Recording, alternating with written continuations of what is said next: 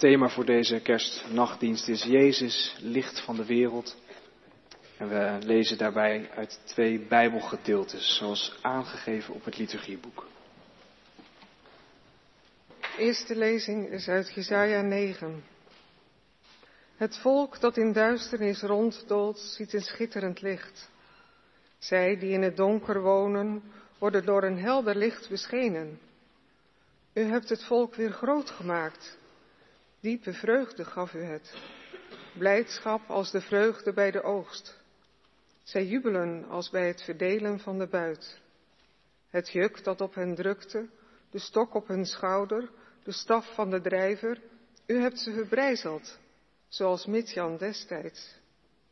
Iedere laars die dreunend stampte en elke mantel die doordrenkt is van bloed, ze worden verbrand, ze vallen ten prooi aan het vuur. Een kind is ons geboren, een zoon is ons gegeven. De heerschappij rust op zijn schouders. Deze namen zal hij dragen. Wonderbare raadsman, sterke God, eeuwige Vader, vredevorst. Groot is de heerschappij en zonder einde de vrede voor de troon van David en voor zijn koninkrijk. Ze zijn gegrondvest op recht en gerechtigheid en staan vast voor altijd en eeuwig. De Heer van de hemelse machten brengt dit in zijn vurige liefde tot stand. Tweede lezing is uit Lucas 2. In die tijd kondigde keizer Augustus een decreet af dat alle inwoners van het Rijk zich moesten laten inschrijven. Deze eerste volkstelling vond plaats tijdens het bewind van Quirinius over Syrië. Iedereen ging op weg om zich te laten inschrijven, ieder naar de plaats waar hij vandaan kwam. Ook Jozef ging op weg om zich te laten inschrijven, samen met Maria, zijn aanstaande vrouw, die zwanger was, reisde hij van de stad Nazareth in Galilea naar Judea, naar de stad van David die Bethlehem heet aangezien hij van David afstamde. Terwijl ze daar waren, brak de dag van haar bevalling aan. En ze bracht een zoon ter wereld, haar eerstgeborene. Ze wikkelde hem in doeken en legde hem in een voederbak, omdat er voor hen geen plaats was in het gastenverblijf. Niet ver daar vandaan brachten herders de nacht door in het veld. Ze hielden de wacht bij hun kudde.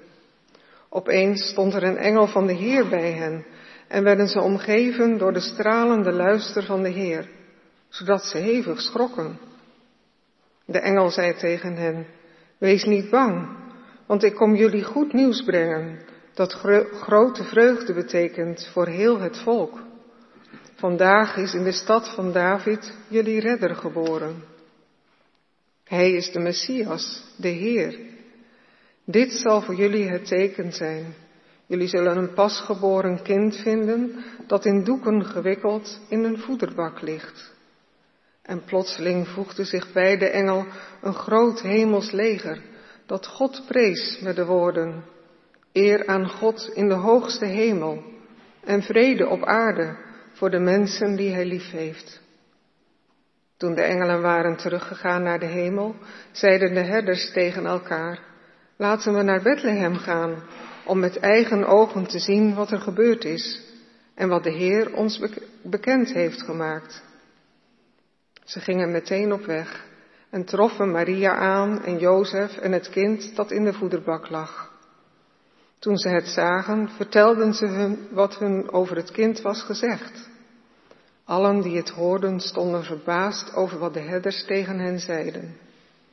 Maar Maria bewaarde al deze woorden in haar hart en bleef erover nadenken. De herders gingen terug, terwijl ze God loofden en prezen om alles wat ze gehoord en gezien hadden, precies zoals het hun was gezegd. Dit is het woord van God. Gemeente van Jezus Christus, broeders en zusters, gasten in ons midden. Waar vinden we het licht van God? De profeet Jezaja en de evangelist Lucas zijn het erover eens. Gods licht schijnt in de duisternis. Daar moeten we zijn. Het volk dat in duisternis rondelt, ziet een schitterend licht, zegt Jezaja. En zij die in het donker wonen, worden door een helder licht beschenen. En denkend aan die oude profetenwoorden, schreef de evangelist Lucas op zijn beurt, eeuwen later, over de herders in het veld. Zij zijn de mensen in het donker. Herders stonden niet hoog aangeschreven, hadden vaak een verleden en daarom geen toekomst. Deze herders zijn mensen in het duister.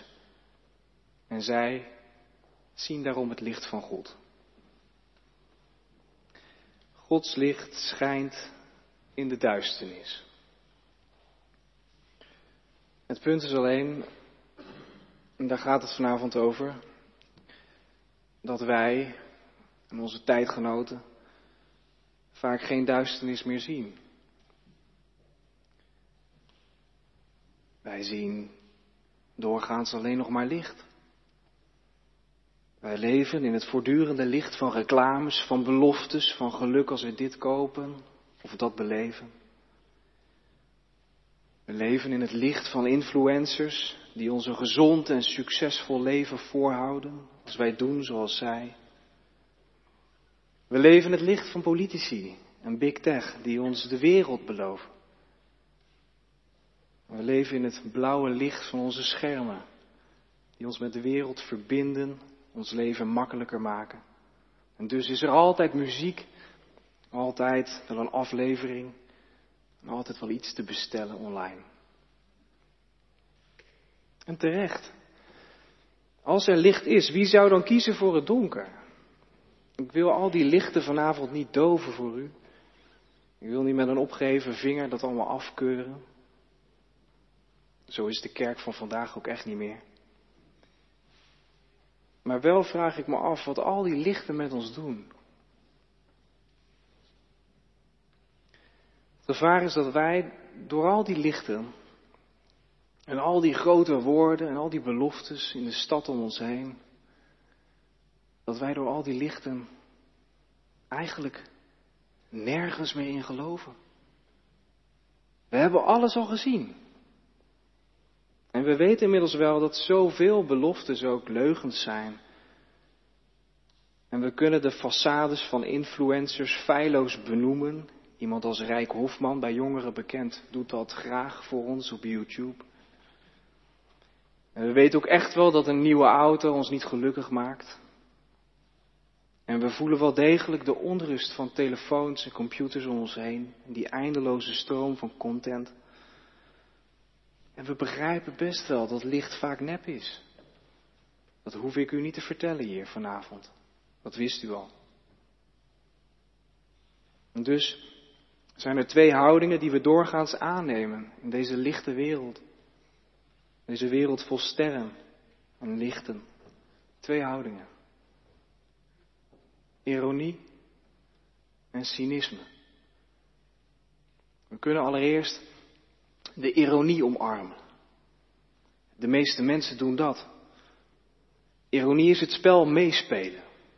Je weet dat het niet echt is allemaal. Maar je doet toch maar mee, want wat moet je anders? Je kijkt de films en je lacht om de podcast, maar verbaasd ben je nou niet gauw. En verontwaardigd niet snel. Ja, je roept wel eens wat op Twitter of zo, maar daarna ga je weer verder met de andere dingen en vergeet je dat weer.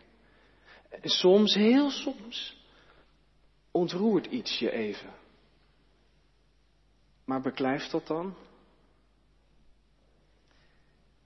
De Ierse schrijver Sally Rooney schrijft over deze ironische levenshouding in het boek Prachtige Wereld, waar ben je? Twee jonge vriendinnen, Alice en Eileen, zijn volop bewust van al het onrecht in de wereld. Van al het verschil tussen rijk en arm. Van een klimaatcatastrofe die op ons afstormt. Het zijn wakkere mensen, idealistisch, stadse vrouwen. Maar ook zij beseffen best wel dat ze niet het verschil kunnen maken. En ze leven hun eigenlijk kleine leven maken zich druk om elkaar, om hun relaties, om hun werk. En ergens zegt in dat boek een van die vriendinnen heel treffend, terwijl de mensheid op de rand van de ondergang staat, ben ik bezig met seks en vriendschap. Waar leven we anders voor? Dat is de ironie dus. Je speelt het mee met geveinsde onwetendheid. Je kent de leugens van de tijd, maar je kiest ervoor om mee te leven, want heb je een alternatief? Je bent toch geen activist, geen klimaatklever? Zo is ironie. Die andere levenshouding is van het cynisme. Je bent de vele lichten van de stad en de vele beloftes gaan wantrouwen. Je koestert argwaan voor grote woorden. Je gaat inmiddels al lang genoeg mee om te begrijpen dat de wereld niet zo mooi is als iedereen beweert. Je weet wat armoede is en dat arm zijn duurder is dan geld hebben. Je weet van onbetrouwbare mensen. Je gelooft eigenlijk niet in een oplossing voor de klimaatcrisis. En je weet misschien ook wel van een kerk waar het ooit misging. En nu, nu hoeven ze u niks meer te vertellen. En als een soort Jules Deelde rook je je weken door. Ons gaan is een komen, ons komen en gaan. De zin van het leven is dat we vergaan. Al dus de nachtburgemeester. Ik wou zeggen over mensen in de duisternis gesproken. Ik weet niet hoe u hier zit vanavond. Misschien wel als, als een mens vol ironie. Speel je alles mee? Ben je nog jong? Wil je het ook omarmen? Je glimlacht om veel dingen. Maar waar geloof je nou eigenlijk in? Niks meer? Of misschien ben je dat station al lang gepasseerd en heeft de onverschilligheid zich al breed uiteengevouwen. Hoe je hier ook zit vanavond, ik vertel u vanavond over herders. De mensen in het donker. Plotseling zien zij een, een engel en worden ze omgeven door de stralende luister van de Heer, schrijft Lucas. De engel vertelt hen het nieuws van de geboorte van een kind. Met grote titels wordt hij genoemd, de redder, de Messias, de Heer. En dan is er een leger van engelen die God lof zingen in de nacht. Even gaat de hemel open en dan ook weer dicht. Maar waar ik u op wil wijzen is wat die herders dan doen. Wat er dan gebeurt onder hen. Ze stoten elkaar aan en zeggen, laten we het met eigen ogen gaan zien. En, en ze, ze gaan meteen op weg, staat er. Er zit iets onmiddellijks in. Er, er is geen ruimte voor distantie, ironisch of cynisch. Ze gaan meteen. En ze vinden Maria en Jozef en het kind in de voederbak. En zij, notabene, zij, deze herders, deze mensen in het donker, zij vertellen aan Maria wat de engel heeft gezegd. Maria ziet geen engel hoor die avond. Dat zijn de herders. En die herders dragen het licht van God uit. En allen die het hoorden, stonden verbaasd, schrijft Lucas. Verbazing, een teken van leven. Dat er nog iets gaande is in je ziel. Een opgroeiend kind verbaast zich een hele dag lang. Er zijn mensen die bij het ouder worden zich kunnen blijven verbazen. Er zijn ook mensen die nergens meer van opkijken. Dan moet er een wonder gebeuren, willen ze nog ergens door geraakt worden. In Bethlehem gebeurt dat wonder. Er wordt een mens geraakt. Voorbij dat dichtgesmeerde van de ziel, van alles wat zo belangrijk lijkt. Er wordt een mens geraakt en nog een mens en nog een. En dan kan het geloof beginnen. Daarom moeten we vanavond worden weggeleid uit alle beloftes en grote woorden van de wereld. Weg van al het felle licht dat ligt. Weg van onze schermen. Weg van de façades en onze opgetuigde levens. Vergeet het allemaal vanavond. En kniel zoals de herders deden. Met hun hoekige karakters, hun houding van, nou ik moet maar zien. Die herders bij wie je niet met mooie praatjes aan hoefde te komen. Ik denk dat wij meer op hen lijken dan je zou denken. Met misschien het verschil dat zij wisten dat ze in de duisternis leefden. En wij het vaak verhullen met onszelf gemaakte licht. Ga naast die herders zitten. En kniel zoals zij. En verlies je cynisme. En durf te hopen. Verlies je sceptisch. En durf te bidden. Kom vanavond zonder ironie en verlies jezelf aan het Christuskind. En laat dit kind en de weg die hij zal gaan in je hart groeien tot een nieuw bestaan. Ik geloof er heilig in dat als je dit kind centraal stelt in je leven, er een nieuwe glans, een nieuw licht over je bestaan komt. Ik eindig met een gedicht van Michel van der Plas. Het staat afgedrukt op de liturgie. Het is een gedicht geschreven in de jaren na de oorlog, 1947. En het is opmerkelijk genoeg een gedicht vol opgedirkte Amerikaanse taal en cultuur uit die tijd. Maar dat is opmerkelijk nog steeds hoogst actueel, denk ik.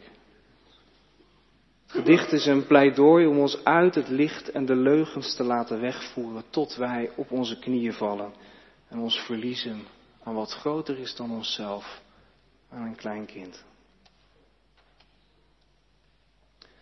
Come on, baby.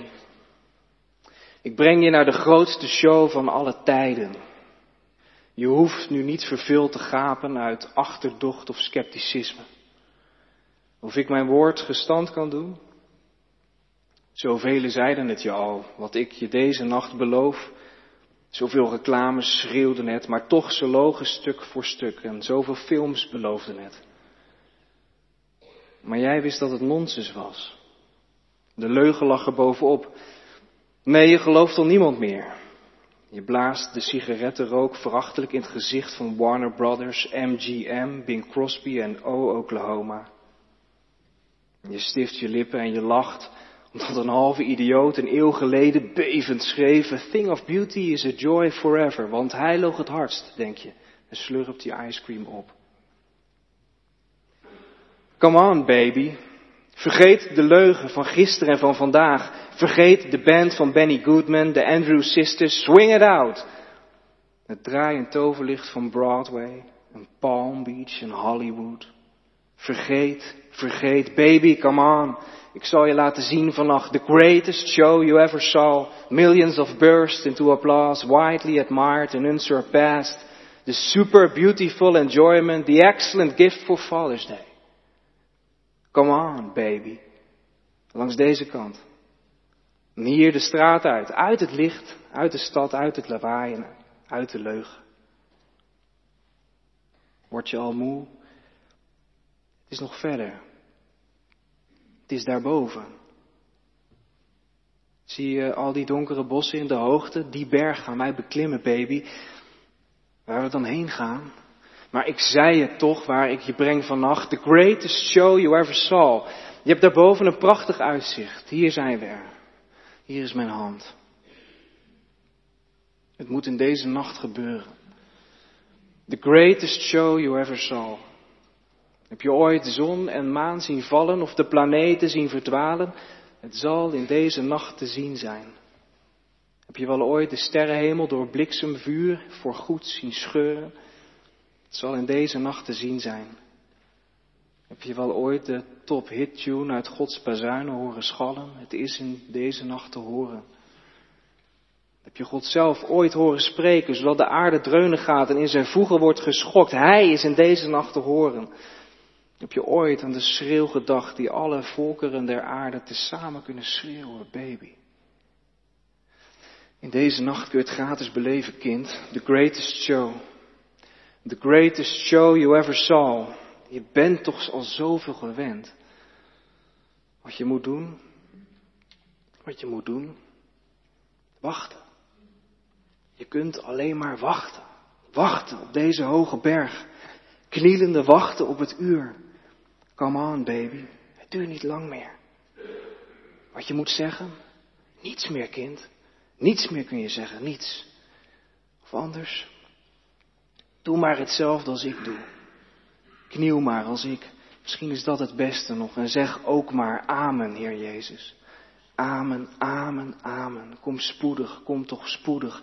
Kom in het licht en die gij vindt op deze bergen die u wachten deze nacht. Koester hen zacht en laat hen vrij, want op uw heil vertrouwen wij. Maar waarom hel je? Zeg het na. Zeg het toch na. Amen.